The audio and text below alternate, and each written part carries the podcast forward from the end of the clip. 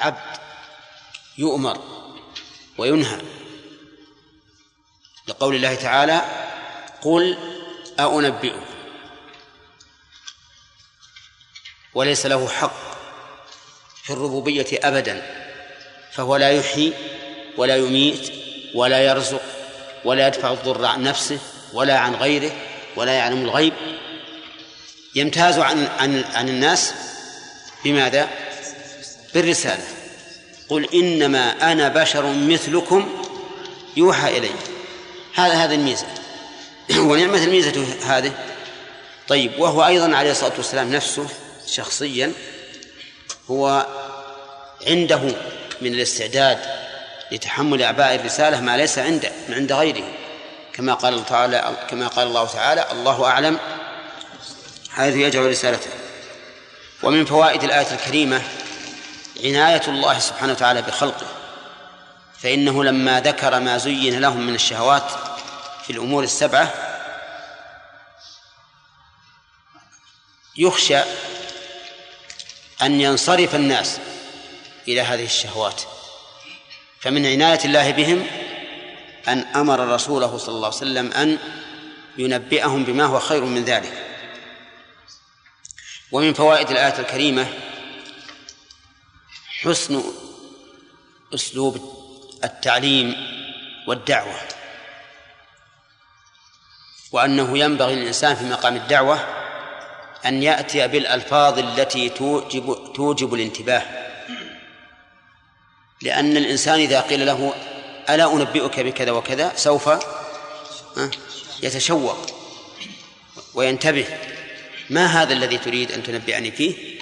بخلاف ما لو جاء, لو جاء الكلام مرسلا لم يكن له هذا الوقت. ومن فوائد الآية الكريمة جواز المفاضلة بين شيئين بينهما فرق عظيم. لقوله بخير من ذلكم. ومعلوم أن كل ما ذكر من الشهوات السبع لا يساوي شيئا أبدا بالنسبة لثواب الآخرة. قال النبي عليه الصلاة والسلام لموضع سوط أحدكم في الجنة خير من الدنيا وما فيها. طيب إيه، وهل جاء مثل هذه الصيغة في القرآن؟ تفاضل بين شيئين بينهما فرق عظيم. أصحاب الجنة يومئذ خير مستقرا وأحسن مقيلا. كذا. بل إن الله قال تنزلا مع الخصم أو موافقة الخصم في دعواه. قال آه الله خير أما يشركون. طيب. ومن فوائد الآية الكريمة أن هذا الخير الذي شوق الله العباد إليه ثابت للمتقين. قول للذين اتقوا عند ربهم وسبق معنى التقوى. ومن فوائد الآية الكريمة أن هذا الخير لهؤلاء المؤمنين في أكرم جوار وهو جوار رب العالمين لقوله عند ربهم جنات. فأقرب الناس إلى الله هم أصحاب الجنة ولهذا جعلهم الله عنده. كما في قوله إن الذين عند ربك لا يستكبرون عن عبادته ويسبحونه وله يسجدون. ومن فوائد الآية الكريمة عظم هذه الجنات لكونها عند الله في جواره سبحانه وتعالى. ومن فوائدها أن جزاء هؤلاء المتقين هذه الدار العظيمة المشتملة على النعيم الذي لا نظير له لقوله جنات جنات تجري من تحتها الأنهار. والأنهار سبق لنا أنواعها. طيب ومن فوائد الآية الكريمة الحث على تقوى الله لأن ذكر ثواب المتقين يتضمن الحث على التقوى. طيب.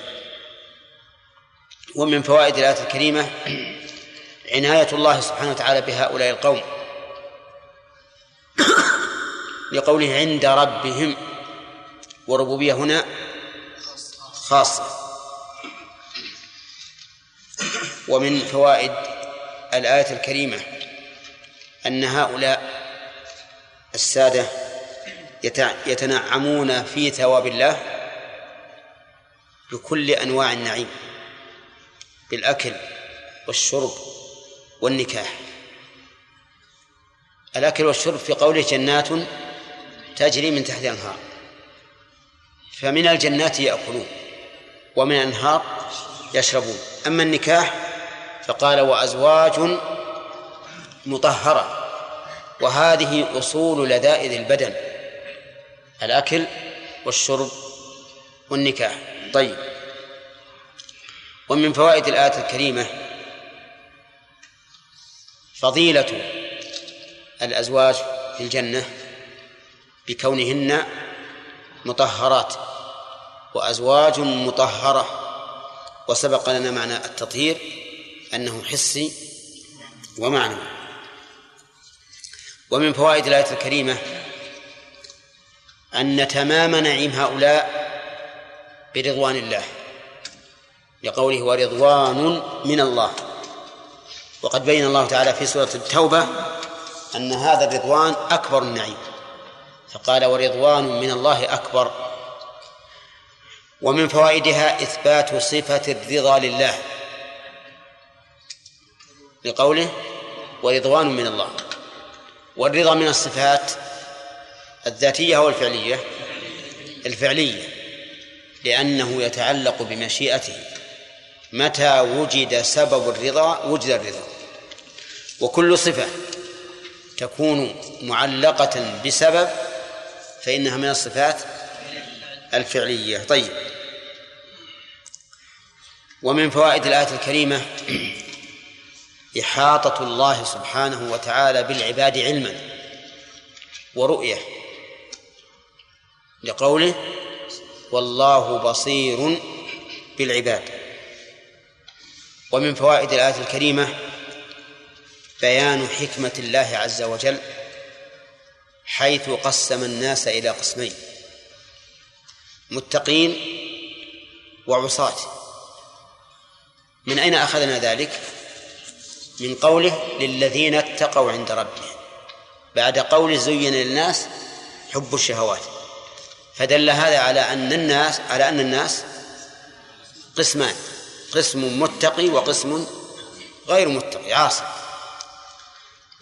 ومن فوائدها أن الله سبحانه وتعالى حكيم حيث جعل التقوى في أهلها.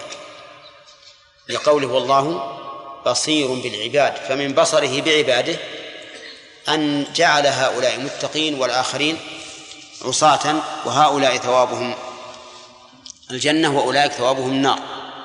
ولا شك أن هذا من حكمة الله سبحانه وتعالى. فإن الله كما هو أعلم حيث يجعل رسالته فهو أعلم حيث يجعل ميراث رسالته. وميراث رسالته ها هو العلم. العلم المتضمن للدعوة والعبادة. نعم. طيب.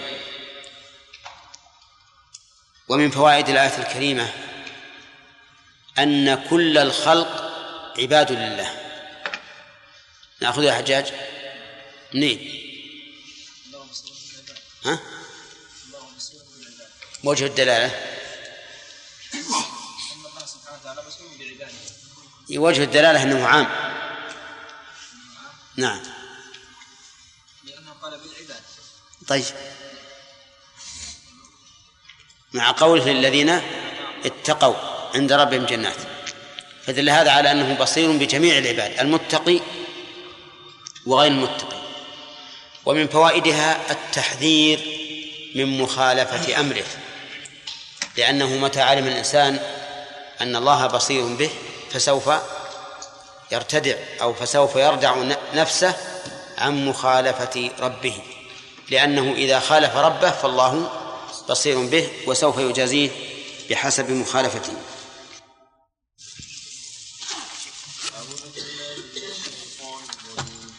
شهد الله أنه لا إله إلا هو والملائكة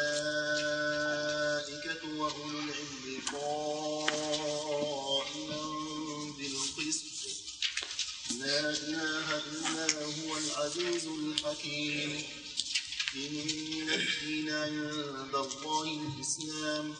وما اختلف الذين أوتوا الكتاب إلا من بعد ما جاءهم العلم. من بعد ما جاءهم العلم بغيا بينهم. ومن يكفر بآيات الله فإن الله سريع الحساب. فإن حاجوك فقل أسلمت وجهي لله ومن اتبعني وقل للذين أوتوا الكتاب والأميين أأسلمتم؟ فإن أسلموا فقد اهتدوا وإن تولوا فإنما عليك البلاغ والله بصير بالعباد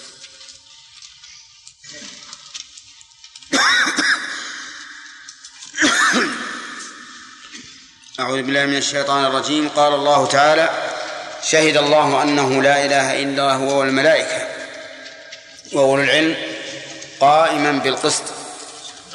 لا إله إلا هو العزيز الحكيم. قال الله سبحانه وتعالى قبل ذلك الصابرين والصادقين والقانتين والمنفقين إلى آخره. وسبق الكلام على الصبر وأقسامه وعلى الصدق وأقسامه وعلى القنوت. فما هو القنوت؟ دوم العبادة مع الخشوع والخضوع ارفع صوتك شوي. دوام العبادة مع الخشوع والخضوع مع الخشوع والخضوع. طيب.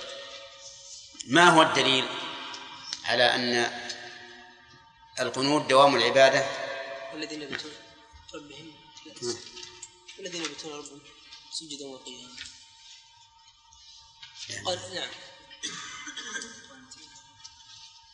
نعم. قوله تعالى حافظوا على الصلوات والصلاة وقوموا لله قانتين. نعم. هذا دليل على أنه الخشوع والخضوع. قوله تعالى أفمن هو قانت على وقائما يسر أحمد نعم. فمن هو قانت آناء الليل ساجدا وقائما. طيب وقوله المنفقين. هل هذه الآية أو هذا الوصف على إطلاقه؟ ما حضرت؟ والمنفقين والذين يصرفون المال في سبيل الله من غير من غير إسراف.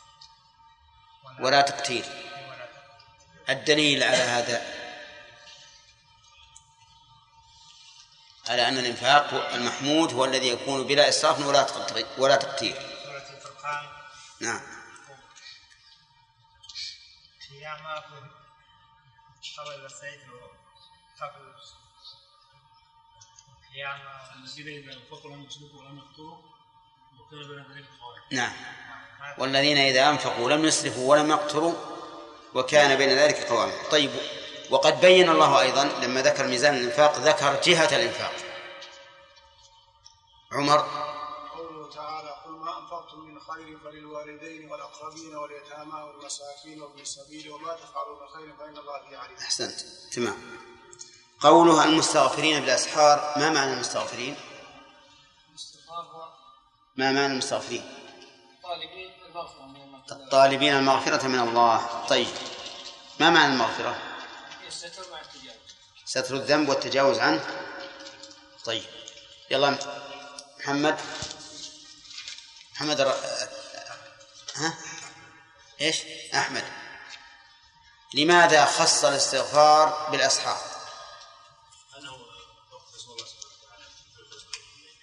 طيب. هذا واحد.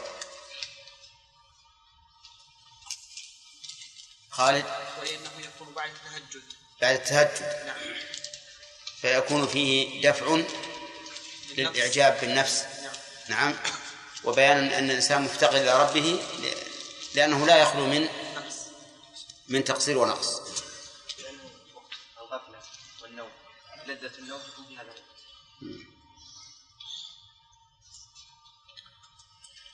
والله هذه أقول تعليلا لأنه يمكن أن يقال أيضا يركعون ويسجدون. طيب قوله شهد الله أنه لا إله إلا هو والملائكة وأولو العلم.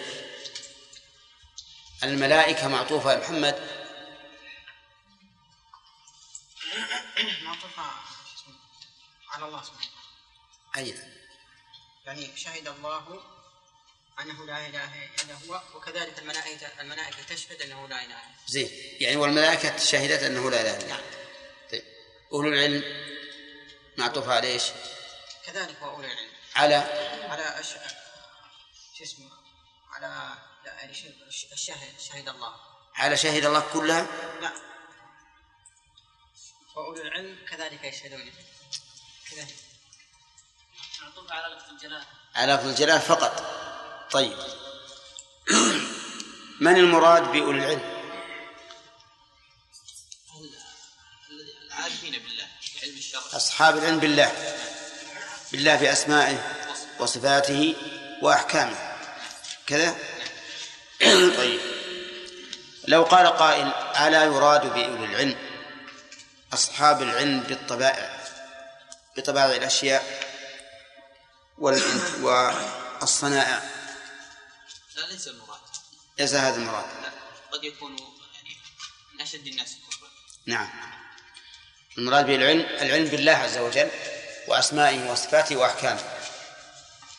قوله تعالى قائما بالقسط مثل المنان ما إعرابها؟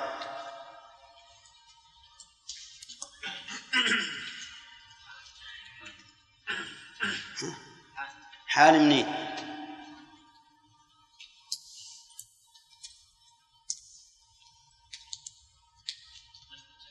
أين لفظ الجلال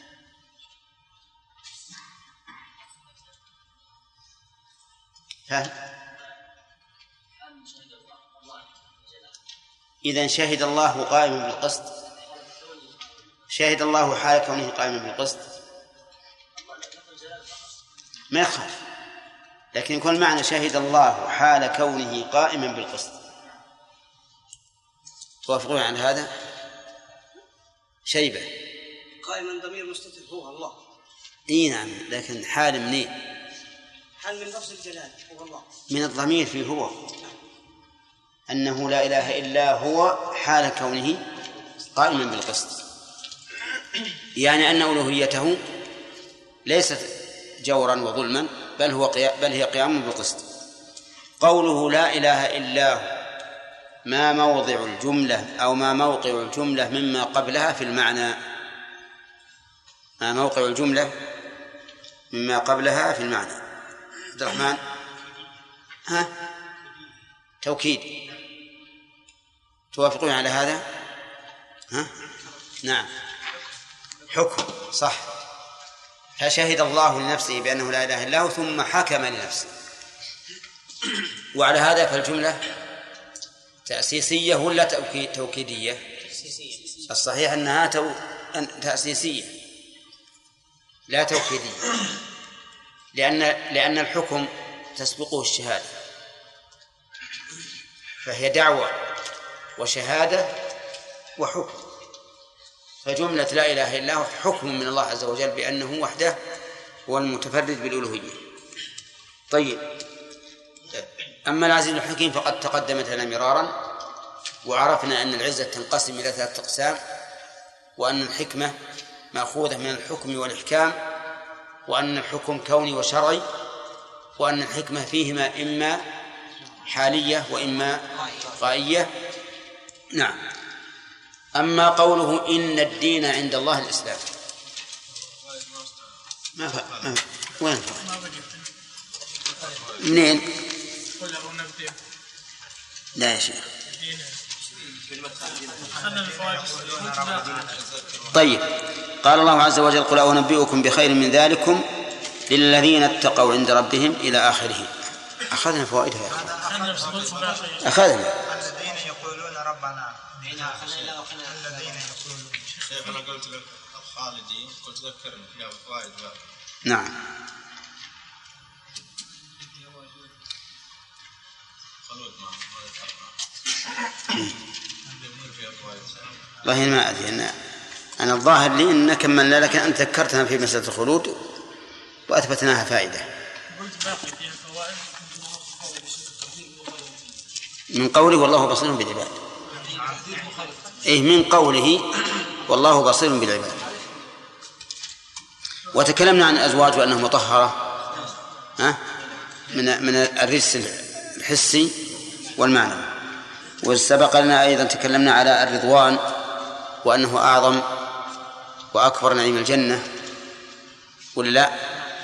وذكرنا أنه يستفاد منه إثبات صفة الرضا لله وأنها من الصفات الفعلية. طيب ثم قال عز وجل الذين يقولون ربنا إننا آمنا إلى آخره. من فوائد هذه الآية أن من صفات المتقين إعلان إعلانهم بالإيمان بالله. لقولها الذين يقولون. والقول هنا يكون باللسان ويكون بالقلب.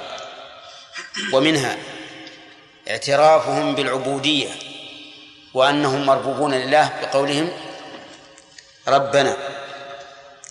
ومن فوائدها أيضا أن من صفات المنافقين عدم عدم الإعجاب بالنفس وأنهم يرون أنهم مقصرون. أن من صفات المتقين أن من صفات المتقين عدم الإعجاب بالنفس وأنه وأنهم مقصرون. لطلبهم المغفرة من الله لقول فاغفر لنا ذنوبنا.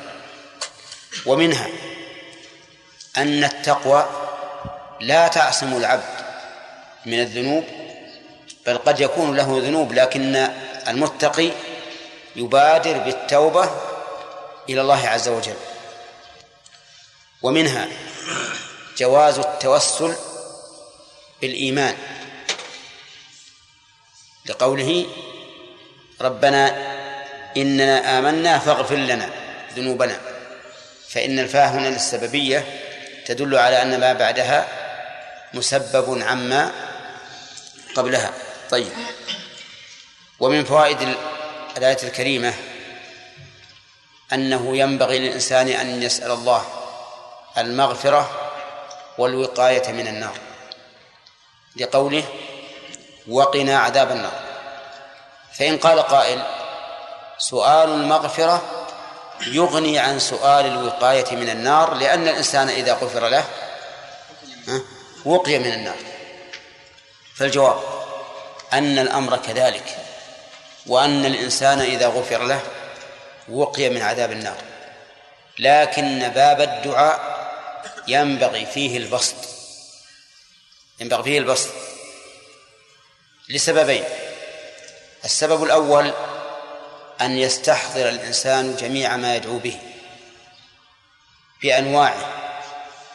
والثاني أن الدعاء مخاطبة لله عز وجل.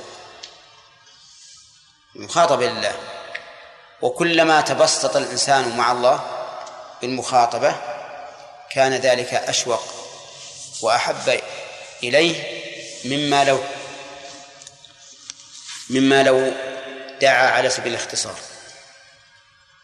ثالثا أنه كلما ازداد دعاء ازداد قربة إلى الله عز وجل.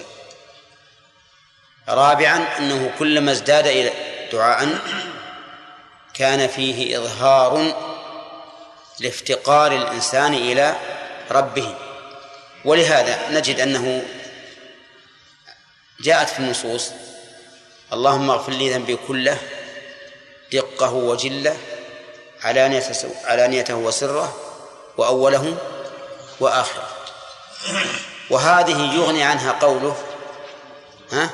اللهم اغفر لي ذنبي. بل لو قيل يغني عنها اللهم اغفر لي لكان صحيحا. لكن مقام الدعاء ينبغي فيه البسط. ولهذا قالوا فاغفر لنا ذنوبنا وقنا عذاب النار. ومن فوائد الآية الكريمة إثبات عذاب النار. لقوله وقنا عذاب النار وعذاب النار إما دائم مستمر وهذا لأصحاب النار الذين هم أصحابها وإما مؤقت وهذا لأصحاب المعاصي فإنهم يعذبون بحسب معاصيهم إذا لم يغفر الله لهم. ثم ذكر أوصافهم فقال الصابرين والصادقين إلى آخره ففي هذه الآية من الفوائد فضيلة الصبر وأنه من الصفات التي يثنى بها على الإنسان. لأن السياق سياق مدح وثناء. ومن فوائد الآية الكريمة أيضا فضيلة الصدق. لأن الله وصف به المتقين فقال والصادقين. ومن فوائدها أيضا فضائل فضيلة القنوت لأن الله وصف به المتقين وفضيلة الإنفاق لأن الله وصف به المتقين وفضيلة الاستغفار وفضيلة الأسحار. كذا؟ طيب. ومن فوائد الآية الكريمة الحث على الاتصاف بهذه الصفات وهي الصبر والصدق والقنوت والإنفاق والاستغفار في الأسحار من أين أخذ من, من أين أخذ الحث على هذه الصفات؟ لأنها سيقة مساق المدح والثناء والشيء يعلم طلبه إما بالأمر به أو بالنهي عن تركه أو بالثناء على فاعله أو بترتيب الثواب عليه أو ما أشبه ذلك. المهم أن علامات كون الشيء مأمورا به متعددة. طيب هل هل يؤخذ من الآية أن الصبر أفضل هذه الصفات؟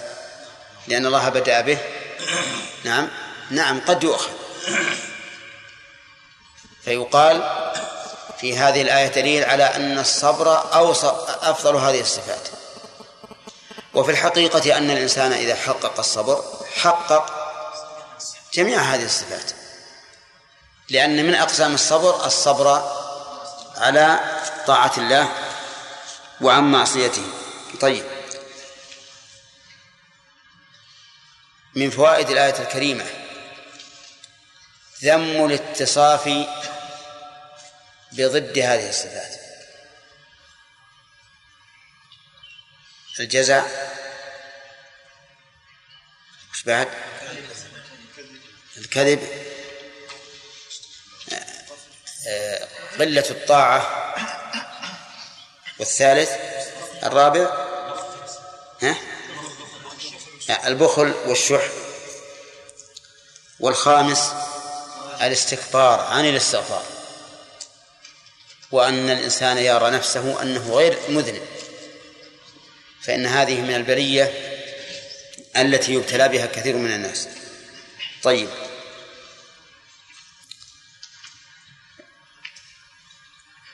أظن أن نبهنا على أن العطف هنا عطف صفات. لا عطف ذوات. ولا ها؟ آه. طيب الآن ننبه. نقول إن العطف هنا عطف صفات وليس عطف ذوات. لأن الصابرين والصادقين والقانتين والمنفقين والمصاب بالأسحار ها؟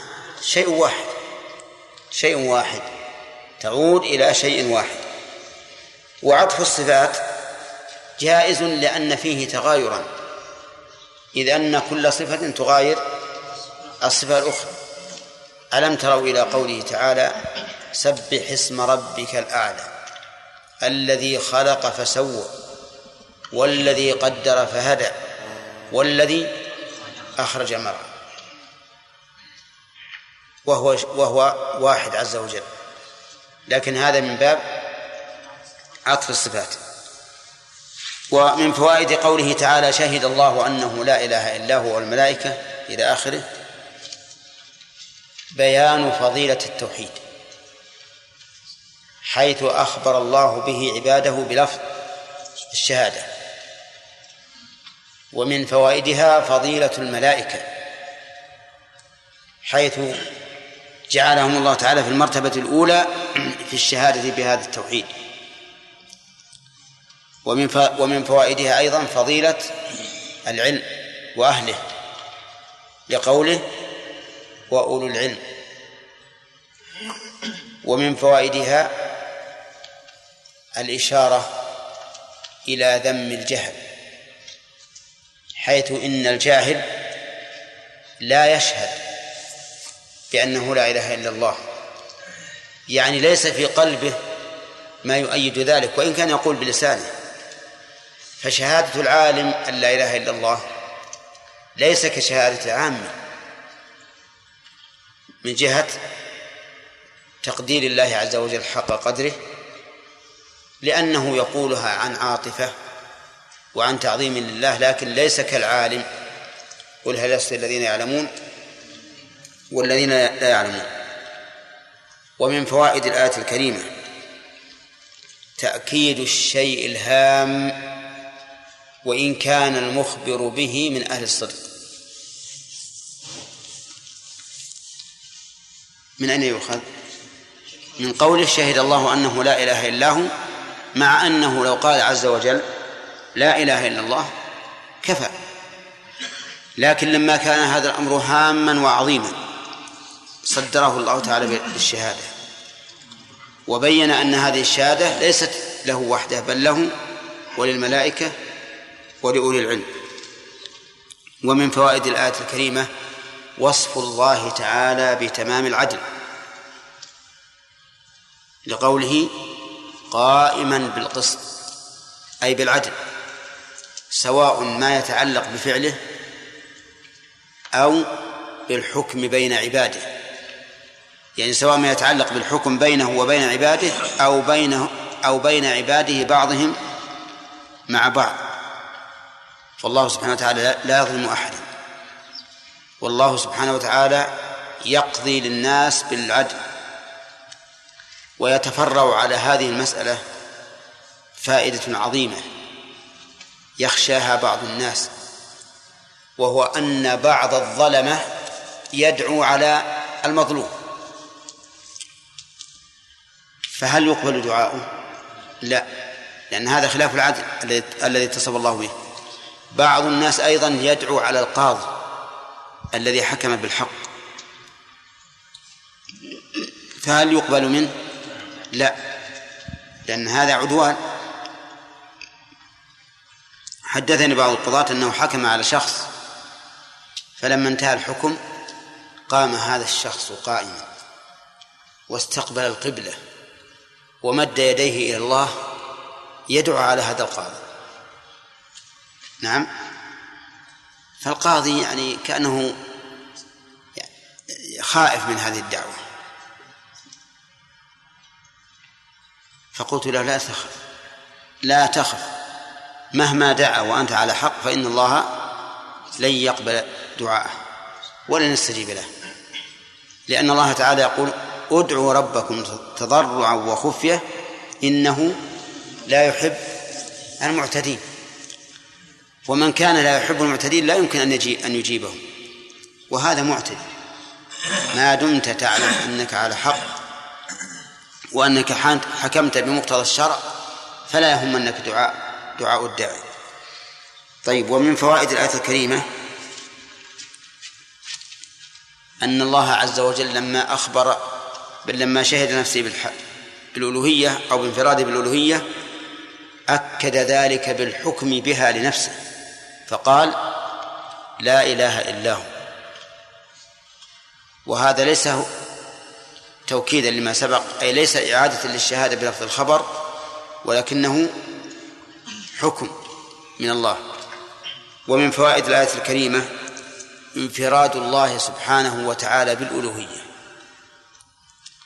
فيتفرع على ذلك أن من أشرك مع الله أحدا في العبادة أي عبده كما يعبد الله فإنه فإنه مشرك وعمله مناف لهذا التوحيد. ومن فوائد الآية الكريمة إثبات العزة والحكمة لله في قوله العزيز الحكيم. ومن فوائدها أن عزة الله ومنها الغلبة والقهر لغيره عزة مبنية على الحكمة. وتنزيل الأشياء في منازلها. وهذا مأخوذ من ضم الاسمين الكريمين بعضهما إلى إلى بعض. عرفتم؟ لأن العزيز من المخلوق من المخلوقين قد تأخذه العزة بالإثم. فلا يقول الحق ولا يهدي إليه. أما الله عز وجل فإنه يقول الحق. مع كمال عزته ثم قال عز وجل إن الدين عند الله الإسلام. هذا مبتدا درس الليلة. إن الدين عند الله الإسلام. إن فيها قراءتان القراءة الأولى الفتح فتح الهمزة والثانية كسر الهمزة. فعلى قراءة فتح الهمزة تكون عطف بيان لقوله أنه لا إله إلا هو. يعني وشهد أيضا أن الدين عند الله الإسلام. أو شهد أنه لا إله إلا هو أن الدين عند الله الإسلام. والدين يراد به العمل ويراد به الجزاء حجاج. هات لي مثالا يراد بالدين العمل.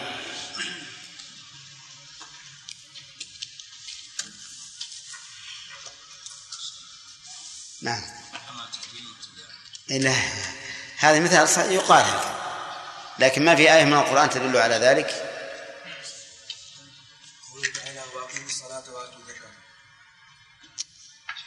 نعم. نعم. صح. ومثل لو لو كمل وما أمروا إلا يعبدوا الله مخلصين له الدين حنفاء ويقيموا الصلاة ويؤتوا الزكاة وذلك دين القيم. ويكون الدين بمعنى الجزاء. الجزاء على العمل ومثاله مالك يوم الدين. والمراد به في هذه الآية العمل. يعني إن الدين الذي يتعبد الذي هو عبادة الله والعمل له هو الإسلام. والإسلام مصدر أسلم يسلم. وهو أي, أي الإسلام التعبد لله تعالى بما شرع حال قيام الشريعة. التعبد لله بما شرع حال قيام الشريعة. وهذا معنى للإسلام بالمعنى العام. أما بالمعنى الخاص فالإسلام هو التعبد لله بشرع محمد صلى الله عليه وسلم. فإذا قال قائل ما هو الدليل على هذا التقسيم؟ أن الإسلام عام وخاص. قلنا الدليل في القرآن كثير. فالله تعالى وصف إبراهيم بأنه كان حنيفا مسلما. وقال عن امرأة عن ملكة سبأ وأسلمت مع سليمان لله رب العالمين. وقال يعقوب لبنيه يا بني إن الله اصطفى لكم الدين فلا تموتن إلا وأنتم مسلمون. وقال عن التوراة يحكم بها النبيون الذين أسلموا للذين هادوا والربانيون والأحبار. والآيات في هذا كثيرة. أن الإسلام بالمعنى العام هو التعبد لله بإيش؟ بما شرع حال قيام الشريعة. أما أما الإسلام بالمعنى الخاص فهو التعبد لله بشريعة محمد صلى الله عليه وسلم. ولهذا لو سألنا سائل هل اليهود مسلمون؟ إن قلنا لا أخطأنا. وإن قلنا نعم أخطأنا. فنقول أما بالمعنى العام فهم مسلمون. يعني أنه لما كانت شريعة التوراة قائمة وكانوا يتبعونها فهم مسلمون بلا شك. وأما بالمعنى الخاص الذي لا يراد سواه بعد بعثة محمد عليه الصلاة والسلام فليسوا فليسوا بمسلمين بل هم كفار بمحمد صلى الله عليه وسلم. وكذلك نقول في النصارى لو سألنا سائل هل هم مسلمون؟ فالجواب التفصيل. إن أريد بالإسلام الإسلام بالمعنى العام فهم مسلمون متى؟ حال كون شريعتهم قائمة. وإذا أريد به المعنى الخاص وهو المراد عند الإطلاق بعد بعثة الرسول صلى الله عليه وسلم فهم ليسوا بمسلمين وهنا نقطة ننبه لها وهي أن كثيرا من الكتاب اليوم إذا تكلموا عن اليهودية والنصرانية والإسلام قالوا هذه هي الكتب الس... هي إيش؟ الأديان السماوية. فيظن السامع أن دين اليهود قائم وأن دين النصارى قائم كقيام دين الإسلام. وهذا لا لا يصح. فإن هذه الأديان أديان سماوية لا شك لكنها حرفت حرفت وبدلت وغيرت ونسخت ببعثة محمد صلى الله عليه وسلم. فليست دينا يرتضيه الله اليوم. بل المتمسكون بها كفار. المتمسكون بها كفار لا يعدون من المسلمين. فينبغي أن نتنبه لهذه النقطة التي يطلقها بعض الناس حتى يوهم العامة بأن اختلاف هذه الأديان كاختلاف المذاهب الإسلامية. يعني كاختلاف مذهب الشافعي ومالك والإمام أحمد وأبي حنيفة. وهذا خطأ عظيم. لأن من زعم أن دينا قائم بعد بعثة الرسول عليه الصلاة والسلام فهو كافر. فإن دينه نسق جميع الأديان. يقول إن الدين عند الله الإسلام ما المراد بالإسلام هنا؟ المعنى العام ولا الخاص؟ الخاص. لأنه بعد بعثة الرسول صلى الله عليه وسلم محمد لم يكن هناك دين قائم. وعلى هذا فالمراد بالإسلام الشريعة التي جاء بها محمد صلى الله عليه وسلم. فإذا قال قائل هل المراد بالإسلام هنا؟ ما علمه النبي صلى الله عليه وسلم جبريل أو المراد به الدين كله بجميع شرائعه الظاهرة والباطنة. الجواب الثاني يعني المراد بالإسلام هنا ليس قسيم الإيمان في حديث جبريل بل المراد به بل المراد به ما يعم جميع شرائع الإسلام. فالصلاة من الإسلام والزكاة من الإسلام. والتوكل على الله من الإسلام والخوف منه من الإسلام. وهكذا جميع شرائع الإسلام الدين من الإسلام. وقوله إن الدين عند الله الإسلام. يعني أن المرجع في كون هذا الشيء دينا أو غير دين هو الله عز وجل. هل هذا دين عند الله فهو إسلام؟ مقبول. هل هل إنه ليس بدين عند الله؟ فليس بإسلام ولا مقبول. حتى لو زعم أهله أنهم مسلمون فإن زعمهم هذا باطل ولا معول عليه. إن الدين عند الله الإسلام. وما اختلف الذين أوتوا الكتاب إلا من بعد ما جاءهم العلم بغيا بينهم. يعني أن الإسلام قد اتفقت عليه هذه الأمة لم تختلف فيه. لكن الأمم السابقة جرى منهم الاختلاف. ومع ذلك لم يختلفوا إلا من بعد ما جاءهم العلم وعلموا الحق لكنهم اختلفوا فيه بغيا وعدوانا. كل واحد منهم يبغي على الآخر. كل واحد منهم يقول إن دينك باطل. فتفرقوا وتمزقوا. وهذا كما وجد في الأمم السابقة وجد في هذه الأمة. نجد بعض العلماء يخالف الآخرين ثم يجعل من هذا الخلاف خلاف قلب. فتتنافر القلوب وتشتت فمن كان على ذلك فهو ففيه شبه ممن؟ من اليهود والنصارى. طيب. وقول إلا من بعد ما جاءهم العلم. العلم بماذا؟ العلم بالشريعة. بعد أن عرفوا الشريعة وعلموها تنازعوا فيها. وقوله بغيا بينهم يعني أن الحامل لهم على هذا الاختلاف هو البغي أن بعضهم يبغي على بعض. ولهذا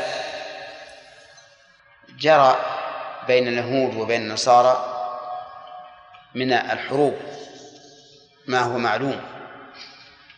وذلك لقوة الخلاف بينهم. يعني أن الخلاف أدى إلى خلاف مسلح. ومن يكفر بآيات الله فإن الله سريع الحساب. من يكفر الجملة هذه شرطية. فعل الشرط يكفر.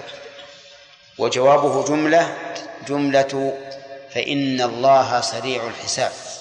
وهنا نقول لسامي لماذا ارتبطت جملة الجواب بالفاء جملة الجواب بالفاء.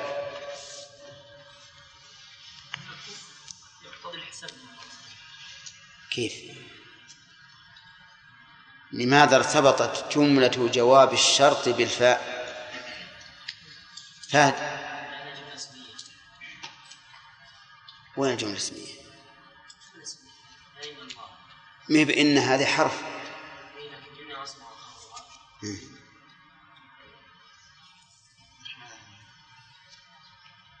من يعرف؟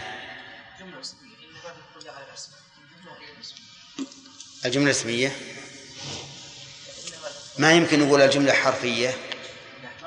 لأن ولا حرف. آه نقول لا يمكن. فالجملة إما اسمية وإما فعلية ولا ثالث لهم. إلا عند بعض النحويين ما كان شبه جملة وهو الظرف والجار المجرور. طيب. المهم أن قوله ومن يكفر بآيات الله هذا فعل الشرط فإن الله سريع الحساب هذا جواب الشرط وقد أنشدوا بيتا في الجمل التي تحتاج إلى ارتباط بالفاء إذا وقعت جوابا للشرط يقرأها لنا؟ اسمية طلبية وبجامد. اسمية طلبية وبجامد وبما ولن وبقد وبالتنفيذ. نعم. الإسلام الاستسلام بلى. إي نعم. صح. أعوذ بالله من الشيطان الرجيم. إن الدين عند الله الإسلام. وما اختلف الذين أوتوا الكتاب إلا من بعد ما جاءهم العلم بغيا بينهم. ومن يكفر بآيات الله فإن الله سريع الحساب. فإن حاجوك فقل أسلمت وجهي لله ومن اتبعن وقل للذين أوتوا الكتاب والأميين أأسلمتم؟ فإن أسلموا فقد اهتدوا. وإن تولوا فإنما عليك البلاغ والله بصير بالعباد. أعوذ بالله من الشيطان الرجيم. قال الله تعالى إن الدين عند الله الإسلام. الدين ذكرنا أنه يطلق على معنيين المعنى الأول يا عبد الرحمن مثل العمل والثاني نعم الجزاء الثاني الجزاء. هات مثالا يا مهند لإطلاقه على العمل. نعم. مثال إطلاق على الجزاء. هداية الله. هداية الله. ها؟ نعم. مالك يوم الدين أي يوم يوم الجزاء. طيب. الإسلام معناه هنا. نعم. الإسلام آه، معناها الأعمال الظاهرة لا. هنا إن الدين عند الله الإسلام. الإسلام يعني نعم. قال هنا العمل. إيش؟ العمل. لا. هو الشريعة الإسلام ما استقر عليه. ما جاء به محمد صلى الله عليه وسلم. نعم شيخ. يشمل كل شيء كل شيء ما دخل في الإسلام. إيه لك وش معنى الإسلام؟ الإسلام من قول وفعل من استسلامه الاستسلام لله تعالى ظاهرا؟ باطلا وباطنا. يعني ظاهرا وباطنا. الاستسلام لله ظاهرا وباطنا. فالاستسلام بالباطن الإيمان وبالظاهر الأعوا- الأقوال والأعمال الظاهرة. ه- هذا هنا. لكن إذا جاء الإيمان والإسلام فسر الإيمان بالاستسلام الباطن والإسلام بالاستسلام الظاهر. طيب قوله الإسلام إن الدين عند الله الإسلام هل المراد به هنا الإسلام الخاص الذي بعث به الرسول عليه الصلاة والسلام أو الإسلام العام؟ شيبة. الإسلام الخاص الذي بعث به النبي محمد صلى الله عليه وسلم. طيب. هذا هذا قول. في قول آخر يقول إن الدين عند الله الإسلام وهو في كل زمان بحسبه. فالدين عند الله في زمن موسى وما جاء به موسى. وفي زمن أظن هذا المبتدأ يعني. ها؟ وفي زمن عيسى ما جاء به عيسى وفي زمن إبراهيم ما جاء به إبراهيم. فالإسلام عند فالإسلام هو الدين عند الله. بعد بعثة الرسول عليه الصلاة والسلام ليس هناك إسلام إلا ما جاء به الرسول صلى الله عليه وسلم لأن شريعته نسخت جميع الشرائع. وعلى هذا فمن استكبر عن دين الإسلام الذي جاء به محمد صلى الله عليه وسلم فليس بمسلم. فالمهم الآن أن نقول الدين عند الله الإسلام وهو الاستسلام لله تعالى ظاهرا وباطنا. في كل زمان بحسبه. فالإسلام في زمن موسى هو الشريعة اليهودية وفي زمن عيسى الشريعة النصرانية وفي زمن إبراهيم الشريعة الإبراهيمية وهكذا. في زمن صالح الشريعة الصالحية وعلى هذا فقس لكن الآن وبعد أن بعث محمد صلى الله عليه وسلم ونسخ دينه جميع الأديان فالإسلام هو ما تضمنته شريعة شريعة الرسول عليه الصلاة والسلام. ويدل لذلك على أن المراد بالإسلام هنا يعني يؤيد هذا القول. قوله وما اختلف الذين أوتوا الكتاب إلا من بعد ما جاءهم العلم بغيا بينهم. يعني فكان الدين عند أهل الكتاب هو الإسلام. والإسلام يقتضي توحيد الأمة المسلمة. يقتضي توحيد الأمة المسلمة. ولكن هل بقيت الأمم السابقة على ما يقتضيه إسلامها؟ الجواب لا بل اختلفوا اختلافا عظيما فكانوا في شقاق بعيد. وهل هذا الاختلاف يعذرون به؟ والجواب لا. ولهذا قال وما اختلف الذين أوتوا الكتاب أي أعطوه. والإيتاء هنا إيتاء شرعي. وقد يكون الإيتاء إيتاء كونيا. فإيتاء الله سبحانه وتعالى المال والصحة والعافية هذا إيتاء كوني. يستوي فيه الكافر والمؤمن والفاجر والبر.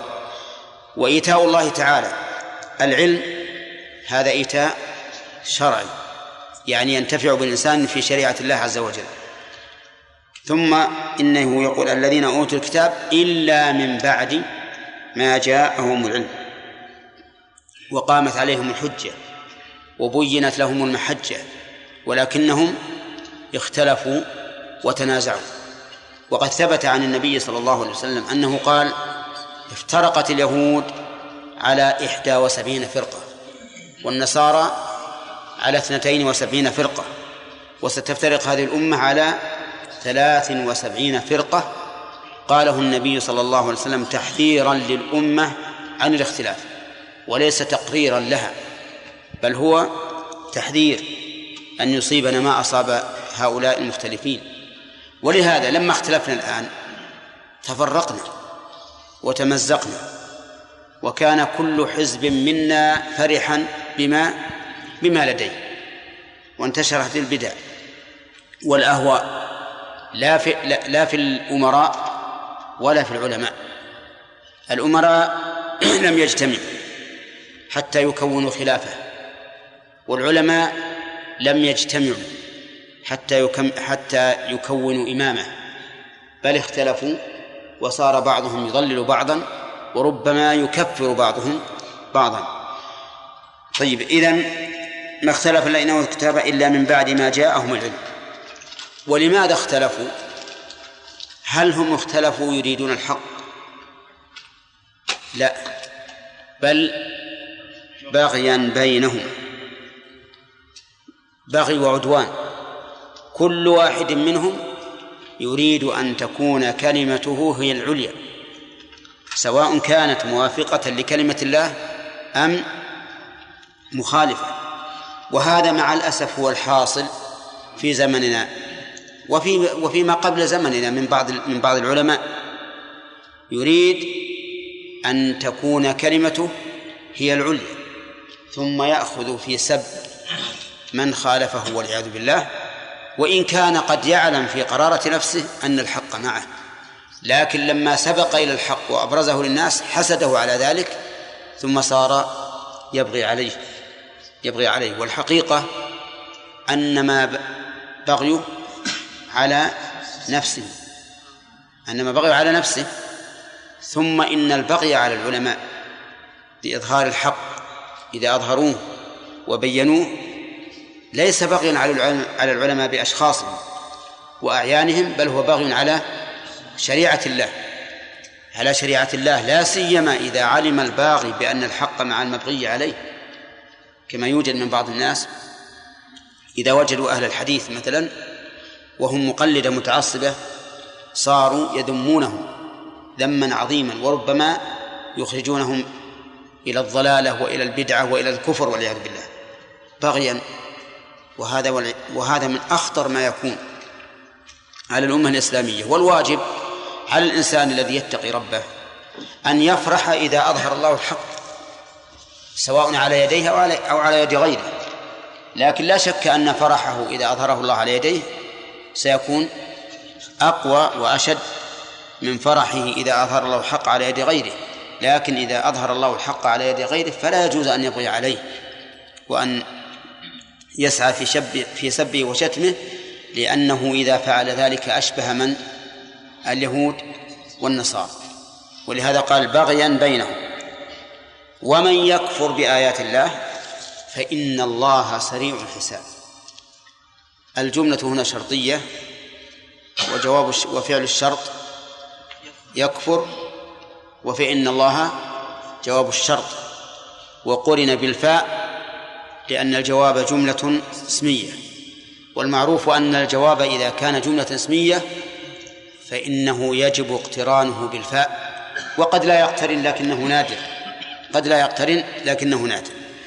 يقول عز وجل من يكفر بآيات الله والكفر بآيات الله يدور على أمرين على الجحد والتكذيب وعلى الاستكبار والعناد. الجحد والتكذيب فيقول لا لم يرسل يقول للرسول مثلا لم يرسلك الله. ويكذب بالآيات. ويجحدها. أو استكبار وعناد. يعلم الحق ويقر به ولكن يستكبر عنه ويعاند. مثال كفر الاستكبار والعناد كفر إبليس. فإن إبليس يعلم أن ما أن ما حصل حق. لكنه أبى واستكبر وكان من الكافرين.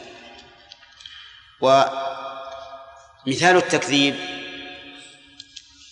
أن يكذب بأن بأن هذا رسول الله كما فعل المشركون مع النبي صلى الله عليه وسلم وكما فعل أعداء الرسل من قبل. والحقيقة أن كل منهما ملازم للآخر. فإن المكذب مستكبر والمستكبر وإن لم يكذب بلسانه فهو مكذب بعمله لأنه لم ينقد لأمر الله. من يكفر بآيات الله الآيات نوعان كونية وشرعية. فالكفر بالآيات الكونية أن ينكر أن الله عز وجل هو الذي خلقه أو أن يعتقد بأن لله تعالى شريكا فيها أو أن يعتقد بأن لله تعالى معينا فيها. كل هذا كفر بالآيات الكونية. نفي أن يكون الله خلقها اعتقاد أن لله شريكا اعتقاد أن لله معينا. كل هذا من الكفر بآيات الله. وقد قال الله تعالى قل ادعوا الذين زعمتم من دون الله لا يملكون مثقال ذرة في السماوات ولا في الأرض وما لهم فيهما من شرك وما له منهم من ظهير. نفى ثلاثة أشياء. لا يملكون مثقال ذرة في السماوات ولا في الأرض على سبيل إيش؟ الاستقلال. وما لهم فيهما من شرك على سبيل المشاركة. وما له لله منهم من ظهير من معين. ثم قال في الرابع ولا تنفع الشفاعة عنده. إلا لمن أذن له. لكمال سلطانه لا أحد يشفع إلا لمن إلا من أذن الله له. فالحاصل أن الكفر بالآيات الكونية يتضمن ثلاث أمور. نفي يكون الله خلقه اعتقاد أن له شريكا فيها. ثالث اعتقاد أن الله أن له معينا في ذلك. أما الكفر بالآيات الكونية الشرعية فقد عرفتموه. يدور على أمرين وهما إيش؟ الجهد والتكذيب والاستكبار والعناد. طيب ثم قال فإن الله سريع الحساب. وهذه الجملة خبرية يقصد بها التهديد أي سيحاسب وهو سريع الحساب عز وجل. والسرعة في الزمن والتقرير. أما في الزمن فإن الدنيا مهما طالت سريعة الزوال. أليس كذلك؟ ونحن إذا قسنا ما مر علينا بما يستقبل. وجدنا أن كل الذي مر علينا وإن طالت السنين كأنه لا شيء. كأنه لا شيء. كم مر على الإنسان مثلا سنة ومع ذلك كأنه خلق الآن. سرعة عظيمة. كذلك أيضا سريع الحساب يوم القيامة. فإن الله تعالى يفرغ من الخلائق كلهم في مقدار نصف يوم. ودليل ذلك قوله تعالى أصحاب الجنة يومئذ خير مستقرا وأحسن مقيلا. والقيلولة تكون في نصف النهار. هذا هذا هذا سرعة الحساب. ولكن قد يشكل على الإنسان. كيف يحاسب الله الخلائق يوم القيامة؟ وهو واحد وهم لا يحصيهم إلا الله. والجواب على هذا الإشكال من رسول الله صلى الله عليه وسلم حين سأله أبو رزين العقيلي قال يا رسول الله كيف يحاسبنا الله في يوم وهو واحد ونحن جميع. جماعة كثيرة. فقال ألا أخبرك أو قال ألا أنبئك على شيء من آلاء الله؟ يعني تستدل به على إمكان ذلك. قال بلى. قال هذا القمر القمر واحد. والذي يشاهده؟ ها؟ كل من على وجه الأرض. كل على من وجه الأرض على من؟ من على وجه الأرض المقابل إذا لم يكن هناك حائل فإنه يشاهد. مع أن القمر من أصغر مخلوقات الله. آية من آيات الله من أصغر آياته ومع ذلك يحيط بالعالم المقابل له على سطح الأرض. وهذا مثال تقريبي وإلا فإن الأمر فيما يتعلق بالخالق أعظم وأجل. لكن الرسول صلى الله عليه وسلم يضرب الأمثال من أجل التقريب للذهن لا التحديد. ألم تروا أنه قال إنكم سترون ربكم كما ترون القمر ليلة البدر؟ نعم.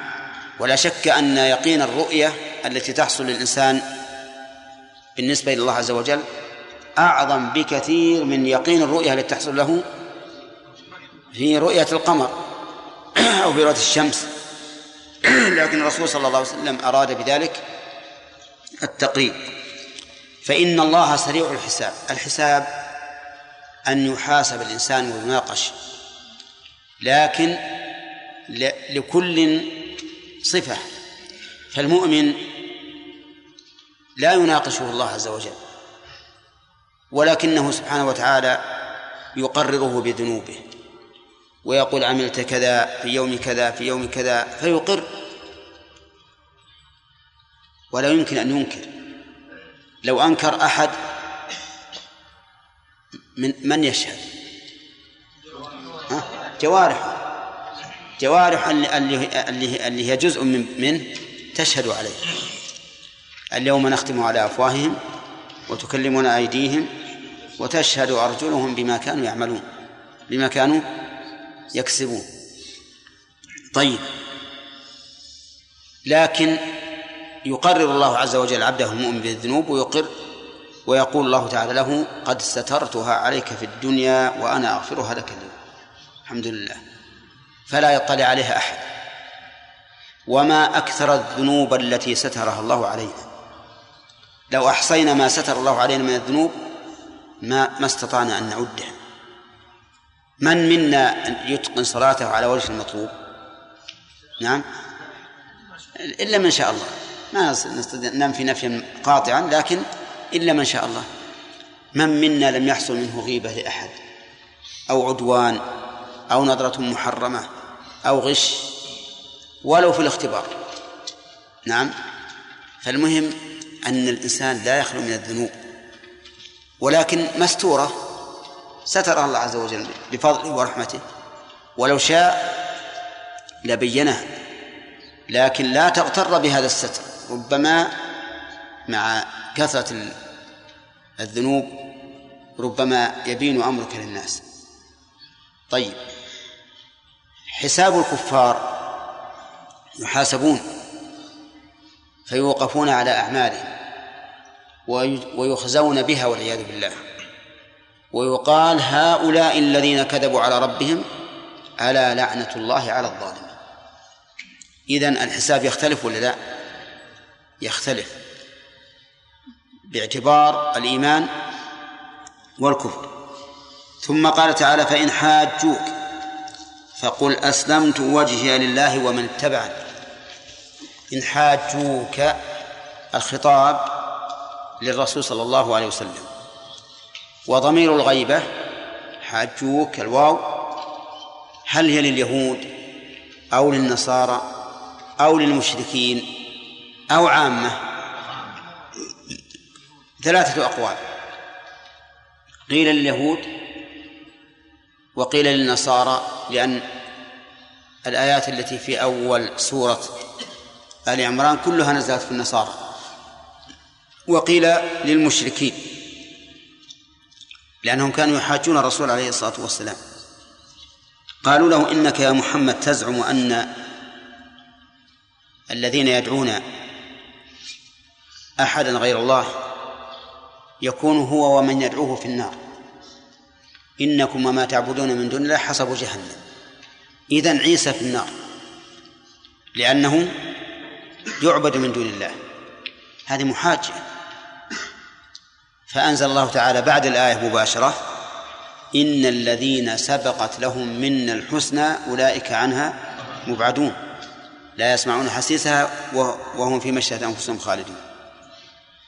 فالمهم أن الرسول عليه الصلاة والسلام يحاج يجادله المشركون ويجادله اليهود ويجادله النصارى.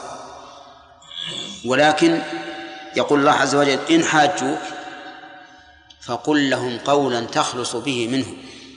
قل أسلمت وجهي لله ومن اتبع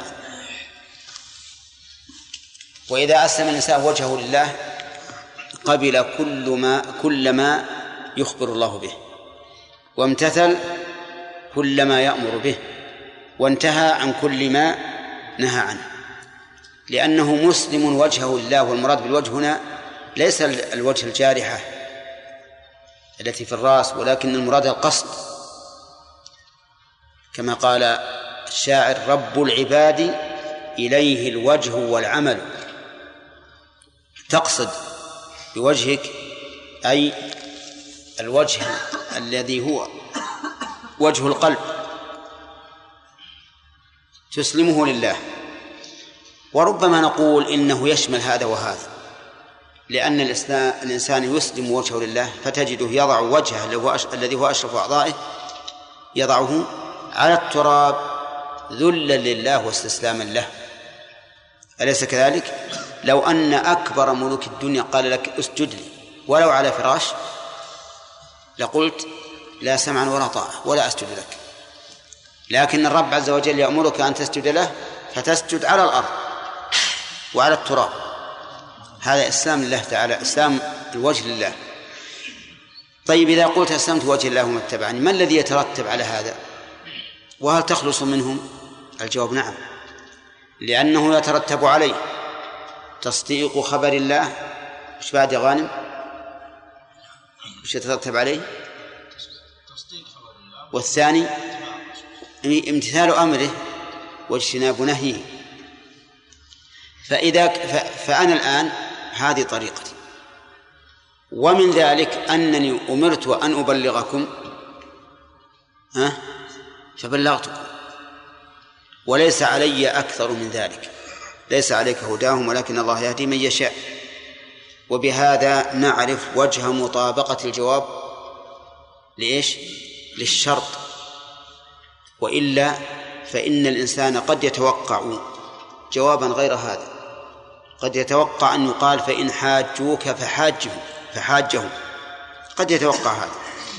لكن قال إن حاجوك فقل أسلمت وجه لله وما اتبعني. وآمنت به وانقدت لأوامره ومن ذلك أنني أبلغكم وقد فعلت فإن اهتديتم فلأنفسكم وإن ضللتم فعليكم وقوله لله ومن اتبع من هذه معطوفة على إيش؟ ها؟ آه. على أسلمت وعلى تو تو هذه غير واردة هداية الله قال على على الضمير في أسلمت على الضمير. كلام طويل ولهذا أي إيه. اختصارا. طيب على الضمير في أسلمت. ولا يجوز أن يكون معطوفا على لفظ الجلالة. أليس كذلك؟ لأن الرسول لا يسلم لمن اتبعه. إنما يسلم وجهه لله.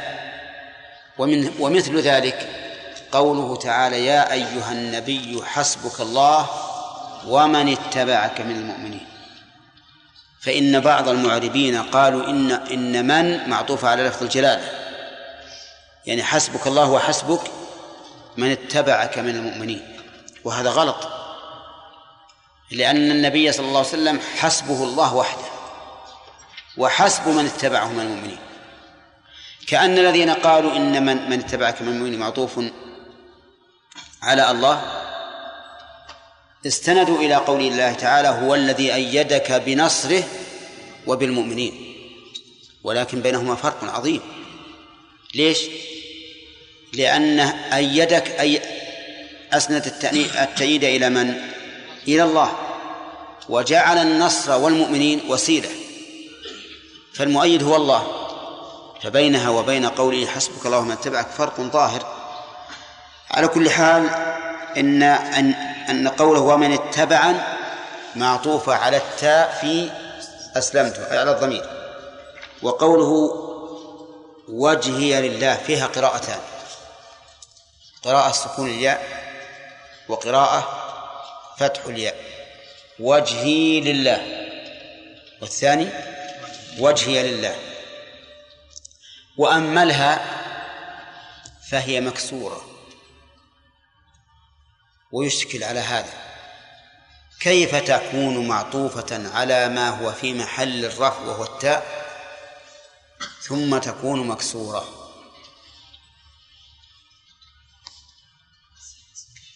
إمداد. إذن الضمة مقدرة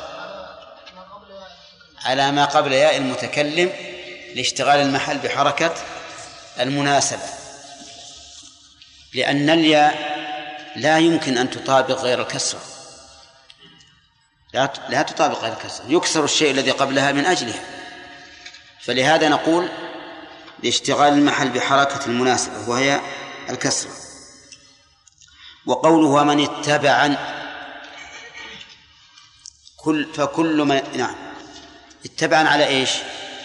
على ما جئت به. من العقيدة والقول والعمل.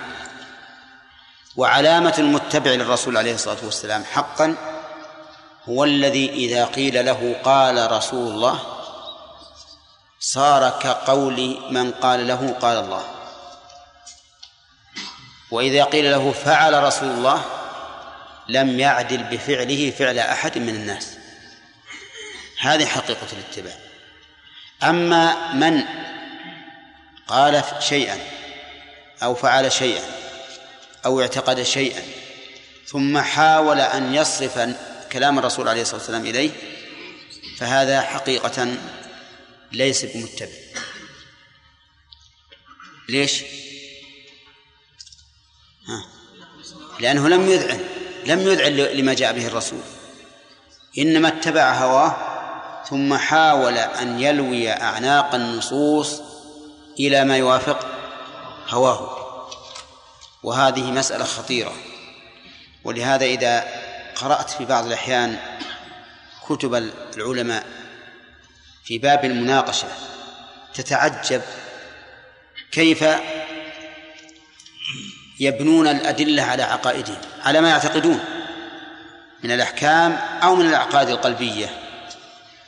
ويحاولوا ويحاولون أن يعطفوا هذه النصوص إلى ما يعتقدون وتست وتستكبر هذا الأمر منهم. وهم علماء أجلة. وهذه محنة لا يسلم منها إلا من عصمه الله. نسأل الله يعصمني وإياكم من منها. محنة عظيمة أن تجعل الهدى تابعا للهوى. والواجب أن يكون الهوى تابعا للهدى. طيب. يقول ومن اتبعن وقل لل وقل للذين أوتوا الكتاب والأميين أأسلمتم. هذا مما يدل على أن الواو في حجوك يشمل اليهود والنصارى والمشركين. يعني وقل هل أنتم تفعلون مثل فعلي؟ قل للذين أوتوا الكتاب وهم اليهود والنصارى والأميين وهم العرب وسموا أميين نسبة إلى الأم لأنهم كانوا جاهلين ولهذا يقال أهل الجاهلية. إذ لم يأتهم رسول بعد إسماعيل عليه الصلاة والسلام فكانوا جاهلين. ومنهم من يتعلم ويأخذ العلم أي علم الرسالات الإلهية عن النصارى مثل ورقة بن نوفل. وإلا فعامتهم جهال. قل للأمين وقل للذين أوتوا الكتاب والأمين أأسلمتم؟ فيها قراءتان. أأسلمتم؟ وأسلمتم أي بتحقيق الهمزتين وإدخال ألف بينهما. أسلمتم طيب. والاستفهام هنا يراد به الأمر. على قول من لأهل العلم. يعني قل للذين أوتوا الكتاب والأميين أسلموا. فالاستفهام بمعنى الأمر. ومثله قوله تعالى قل إنما يوحى إلي أنما إلهكم إله واحد فهل أنتم مسلمون؟ فهل أنتم مسلمون؟ يعني يعني إيش؟ فأسلموا. طيب. وقيل بل المراد بذلك استبلاه استبلاههم. يعني أنه ينادي عليهم بالبلاهة. يعني أسلمتم بعد هذا البيان وهذا الوضوح؟ أم أنكم بلها لم تفقهوا حتى الآن؟ وهذا المعنى أبلغ من المعنى الأول. فيكون المراد بذلك النداء على بلاهتهم وعلى التنديد بهم وأنهم لم يسلموا مع ظهور المعنى ووضوحه. قال الله عز وجل فإن أسلموا فقد اهتدوا. إن أسلموا بالإخلاص لله والمتابعة لرسول الله صلى الله عليه وسلم فقد اهتدوا. هداية التوفيق أو هداية الدلالة؟ ها؟ اهتداء التوفيق. يعني فقد سلكوا طريق الهداية. لأن الهداية نوعان. هداية دلالة. وهذه شاملة لكل أحد. قال الله تعالى وإن من أمة إلا خلا فيها نذير. لا بد أن يهدي الله سبحانه وتعالى كل أمة. وهداية توفيق وهذه خاصة بمن هدي للإسلام. في كل زمان ومكان بحسبه. فمن اهتدى هداية التوفيق فهو محل المدح والثناء. وأما الأول الذي اهتدى هداية الدلالة يعني معناه علم الحق فهذا إذا خالف الحق كان أشد ذما ممن لم يعلم الحق فإن قلت لو فرض أن لو فرض أن أحد من الناس لم يعلم لم يعلم بالشريعة مثل أصحاب الفترة فما فما حكم هؤلاء؟ الجواب أن حكمهم ما هم عليه. إذا كانوا على باطل فهم على باطل. ولا يحكم بأنهم مسلمون لأنهم لم يسلموا. ولكن في الآخرة أمرهم إلى الله عز وجل. لا نعلم. فقد يختبرهم الله سبحانه وتعالى بما شاء على الوجه الذي يريده. فمن أطاع دخل الجنة ومن عصى دخل النار. نعم.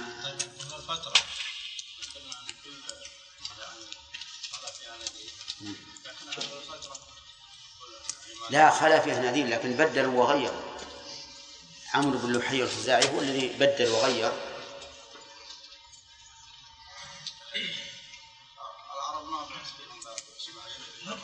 إيه لكن فيهم بقايا من دين إبراهيم. فيهم بقايا. نعم. ظهر الآية فإن حاجوك ترك المحاجة مطلقا لأنه عندما قال فإن حاجوك فقول أسلمت إلا فقول أسلمت وجهي الله ومن اتبعني ولم يقول بين لهم.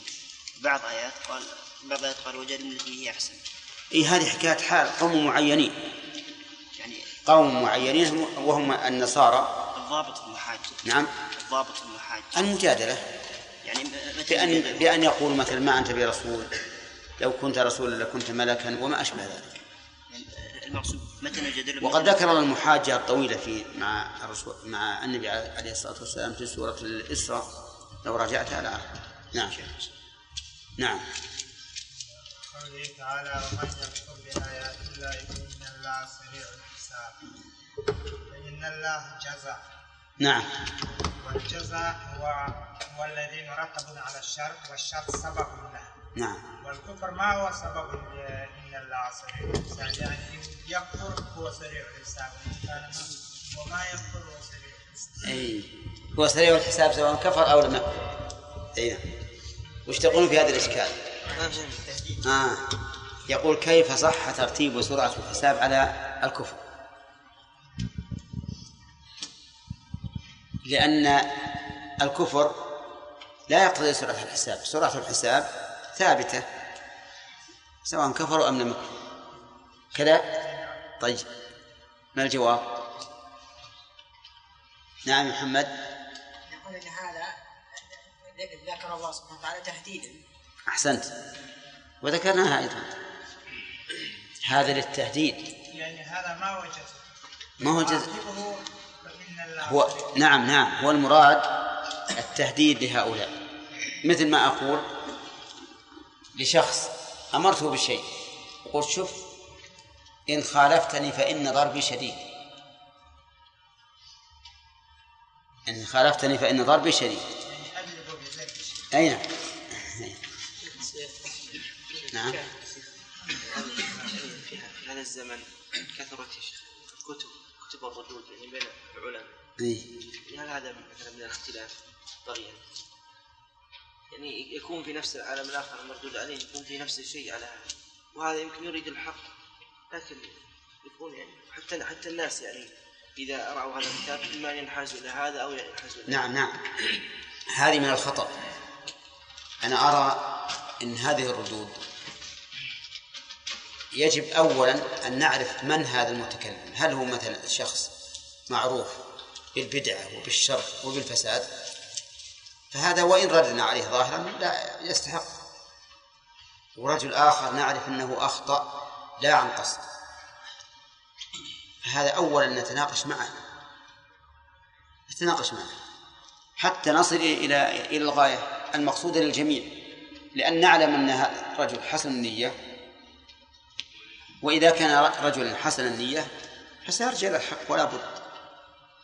أما أن يتخذ بعضنا بعضا خصما فهذا لا شك أنه يضعف الجانبين الراد والمردود عليه لأن الناس سوف ينقسمون.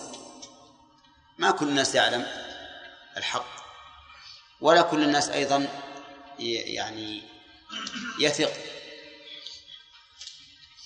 بشخص واحد. نعم. الشيخ ذكرنا أن الهداية تنقسم إلى قسمين. نعم. إرشاد وهداية التوفيق. يقول الشيخ أن بعض الناس تنصحه في مكان مثلا معين دلالة إرشاد ترشده للدين للصلاة والعبادة وكذا ولكن ما تستمر معه دائما. تنشغل عنه مثلا.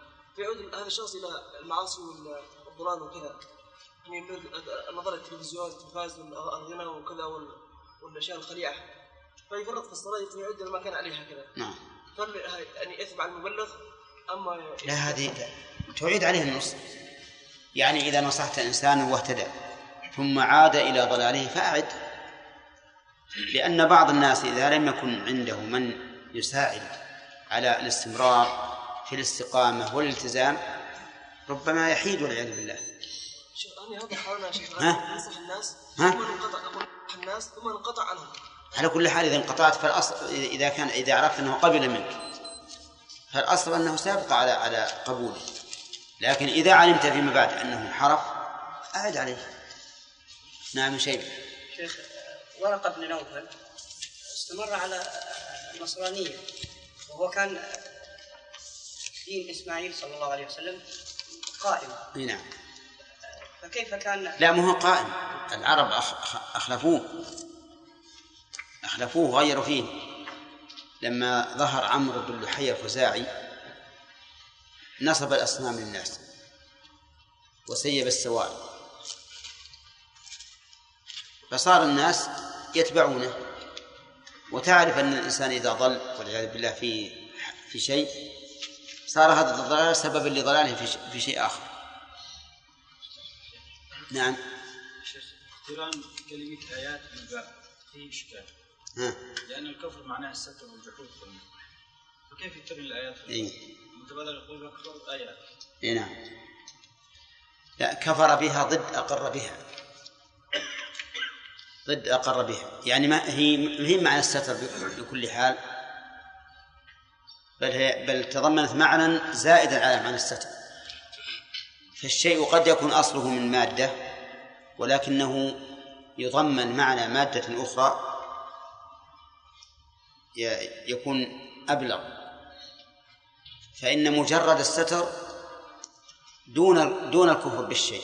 الكفر بالشيء يقتضي جحده والمدافع عن عن عن عقيدة التي التي هي الكفر. نعم. طيب إيش ممكن يعني ممكن أن نقول جا- جحد بها. نعم ها الأخ إن الدين عند الله الإسلام معناه خاص هل هذا يجيز في المجتمع الإسلامي أو في الدول الإسلامية؟ هل هذا إيش؟ هل هذا يجيز في الدول الإسلامية لغير المسلمين أن يقيموا شعائر دينهم؟ أما أما الحديث الوارد عن الرسول عليه الصلاة والسلام فإنه لا يجوز في جزيرة العرب أن يجتمع فيها دينان أما غير جزيرة العرب فما زالت موجودة منذ عهد الخلفاء الراشدين. تقام فيها الأديان لكن جزيرة العرب لما كانت هي الأم للإسلام نهى النبي صلى الله عليه وسلم أن يجتمع فيها دينان ولهذا يجب على جميع المسلمين العناية ببلدانهم وأن يحرصوا غاية الحرص على على أن لا تقام شعائر الكفر في بلادهم. ولكن لا يمنعون ذوي الحق حقوقهم. مما يباح لهم أن يفعلوه. نعم.